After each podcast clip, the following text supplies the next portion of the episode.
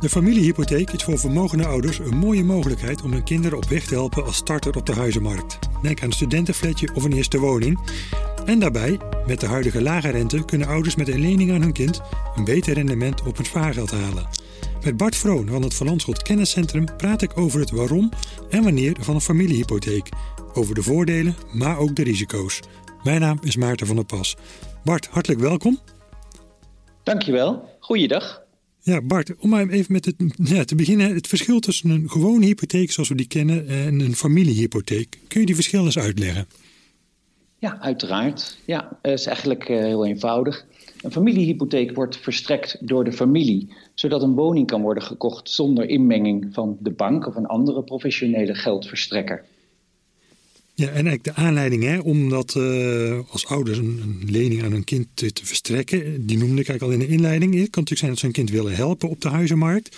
En ook hè, de huidige rente is laag, dus om nog wat rendement op je spaargeld te krijgen, zou je dat als ouder ook kunnen inzetten voor een lening. Zijn er nou nog meer redenen om een familiehypotheek te overwegen? Nou, dit zijn eigenlijk wel eh, de twee belangrijkste. Uh, ouders willen hun kinderen graag helpen. Soms hebben de kinderen die hulp ook echt wel nodig. En je merkt in de praktijk dat ouders graag uh, gebruik maken van de vrijstellingen die er in de schenkbelasting gelden. En zo heb je bijvoorbeeld de vrijstelling die jaarlijks geldt van ongeveer 5500 euro. Maar mhm. daarnaast ook met name de eenmalig verhoogde vrijstelling van iets meer dan 100.000 euro. En die noemen we ook wel de jubelton. En je merkt dat in de praktijk dat men daar graag gebruik van maakt. Niet alleen als schenking van ouders naar kind, maar ook mhm. van grootouder naar kind. Oké, en zijn er ook nog echt uh, specifieke voordelen van zo'n familiehypotheek? Ja, zeker wel. Ja. Uh, bij een familiehypotheek heb je veel meer flexibiliteit. Want uh, binnen de familie ben je eigenlijk niet gebonden aan uh, de gedragscode waar professionele geldverstrekkers wel aan gebonden zijn. Dus zo kun je een hogere lening verstrekken, hoger dan 100% van de waarde van de woning. Mm-hmm. Maar je kunt ook de lening volledig aflossingsvrij verstrekken. Dus zodoende is er wel meer flexibiliteit. Ja, maar dan hebben natuurlijk banken ook al te maken met die gedragscode hypothecaire lening. Ja, die is natuurlijk ook niet voor niks. Hè? Die beschermt wel dat mensen dus niet meer lenen dan ze financieel kunnen dragen. En daar lijkt me eigenlijk dan wel een spanningsveld uh, te zitten. Omdat je die, uh, die regeling, die, die geldt dus niet voor de familiehypotheek. Nee, nou ja, het is terecht dat je dat zegt. Uh, je ziet vaak dat men dat een beetje met een roze bril bekijkt. Hè? En de toekomst die is niet altijd even rooskleurig. Er kunnen altijd zaken zich voordoen, uh, waardoor eigenlijk zo'n lening te hoog blijkt te zijn. Mm -hmm. dus eigenlijk, dan, dan, spreek je van wat je noemt uh, overkreditering. Er wordt een lening verstrekt die hoger is dan het inkomen van de lener toestaat. Ja, dus opletten dat je toch niet alles door die roze bril gaat, gaat bekijken. Want nou lijkt me dat sowieso ook best wel moeilijk bij een hypotheek. Hè? Want je gaat toch als ouders een, een, een, zakelijke relatie aan met je kind. En andersom krijg je als kind ook een zakelijke relatie met je ouders.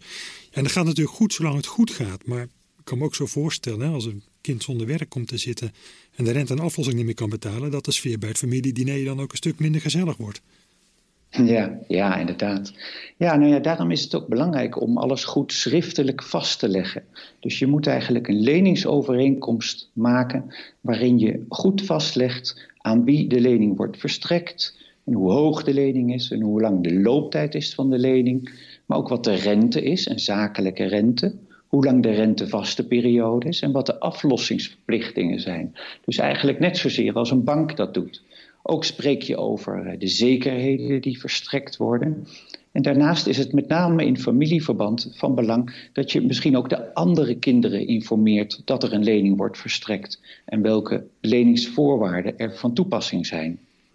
En tot mhm. slot zou je nog als ouders met het kind kunnen spreken over uh, ja, wat je ervan vindt als het kind uiteindelijk niet in staat blijkt te zijn tijdelijk rente en aflossing te voldoen. En ook een beetje wat de andere kinderen daarvan vinden. Ja, en dan sprak je ook al over, over zakelijke rente. Uh, dat is denk ik wel noodzakelijk, want anders gaat misschien de fiscus het ook nog zien als een lening, hè? Van, of een gift eigenlijk aan, van de ouders aan het kind. Wat, wat, zeker, wat is dan zeker, eigenlijk ja. dan die zakelijke rente? Nou ja, je moet gewoon heel goed kijken naar uh, wat, dat er zakelijke voorwaarden zijn. En dat wil zeggen, uh, de, de hoogte van de rente is, wordt beïnvloed door het inkomen van het kind, de zekerheden die verstrekt worden. En je moet dus zorgen dat de rente niet te hoog is, anders zou er sprake zijn van een schenking van het kind aan de ouder, maar ook weer niet te laag, want dan is er weer een bevoordeling door de ouders. Ja, dus daar moet je goed de rekening mee houden. En uh, nu heb je het altijd over één kind, maar wat doe je nou eigenlijk als er ook meer kinderen zijn? Lijkt mij toch dat je als ouder hè, natuurlijk al je kinderen gelijk wil, wil behandelen. En verstrek je aan de ene lening dan ook aan de andere. Zeker. Nou ja, je probeert dat natuurlijk van tevoren zo goed mogelijk in te schatten. Maar ook voor jezelf kan er sprake zijn van, van gewijzigde omstandigheden. Dus, dus uh, het kan zijn dat het eerste kind al een woning heeft gekregen en het tweede kind in een latere fase pas een woning gaat kopen.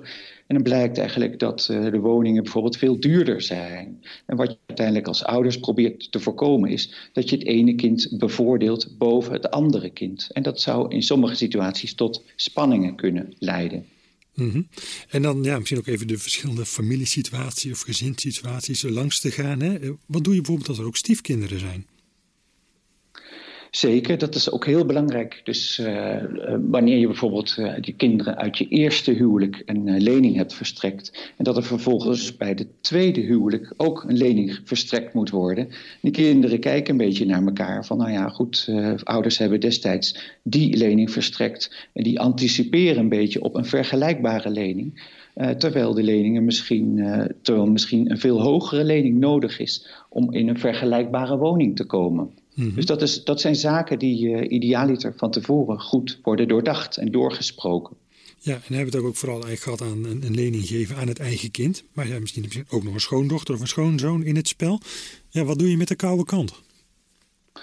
Ja, dat is altijd uh, goed opletten. Wordt de lening alleen verstrekt aan je eigen kind of ook aan het schoonkind? Nou, daarbij moet je dus anticiperen op de situatie dat uh, de relatie onverhoopt ten einde komt. En zou je eigenlijk in de leningsovereenkomst moeten opnemen dat de lening opeisbaar wordt op het moment dat de, de relatie ten einde komt. Want uh, want anders zou het ertoe kunnen leiden dat je, ja, dat je als ouders veel langer op je geld moet wachten. En dwing je in dit geval het uh, stel ertoe om te onderzoeken op welke manier de woning kan worden geherfinancierd bij een professionele uh, leningverstrekker. Oké, en wat was eigenlijk ook de rol van Landschot bij het fenomeen van de familiehypotheek? Nou, Van Landschot uh, kent haar klanten uiteraard heel goed. Uh, is op de hoogte van de financiële situatie van de klant en kent ook de familiestructuur heel goed. En we hebben ook veel kennis op het gebied van uh, de familiehypotheek in huis. En dat willen we graag met onze klanten delen. Dus wij willen graag alle generaties kunnen bedienen. Mm -hmm. En helpen om de wensen te realiseren. En in dit geval zou het ertoe kunnen leiden dat bijvoorbeeld de ouders hun kasmiddelen aanwenden als lening aan het kind. En dat voor het overige deel een lening door de bank aan het kind wordt verstrekt. En zo kom je in sommige gevallen tot een optimale situatie voor het hele gezin. Ja, je kunt dat ook denken aan een combinatie inderdaad van lening en, en, en hypotheek. En heb je tot slot ook nog tips voor ouders die overwegen om hun kind met een hypotheek te, te steunen? Ja, uiteraard, uiteraard. Kijk, de familiehypotheek is natuurlijk een uh, prima mogelijkheid voor ouders om hun kinderen te helpen met die eigen woning. En ook om zelf een beter rendement te realiseren op hun spaargelden. Maar het is wel uiteindelijk een ingewikkeld uh, een ingewikkelde oplossing. En het is verstandig om daar uh, een specialist bij te betrekken. Bijvoorbeeld uh, de bankier of de fiscalist of de notaris. Want er zijn een aantal voorwaarden en risico's aan een familiehypotheek verbonden. En zo kun je onder andere denken aan het opstellen van een goede leningsovereenkomst, die te delen met de gezinsleden. Maar ook het vestigen van hypotheekrecht is belangrijk, want daarmee kun je dus voorkomen dat het kind elders nog leningen opneemt zonder dat je daar zelf weet van hebt.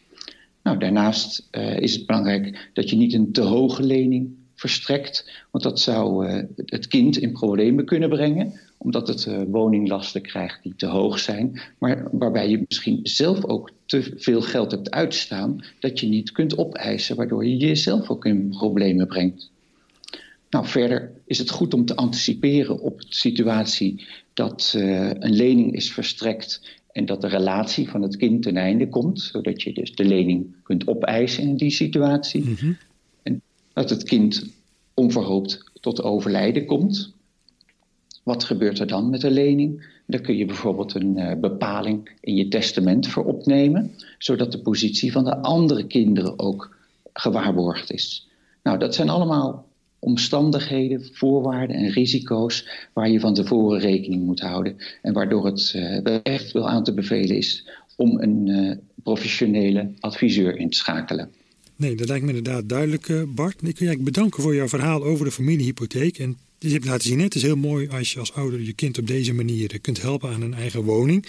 Maar er komt ook best wel wat bij kijken. Dat heb je wel laten zien. Hè? En je moet natuurlijk als ouder, ik ook als kind, toch nadenken vooraf over een aantal uh, moeilijke vragen. En het is uiteindelijk ja, toch een zakelijke overeenkomst die uh, ouders en kind met elkaar aangaan. Nou, mocht u meer willen weten over de mogelijkheden van een familiehypotheek, neem dan contact op met uw Van Landschot Banker.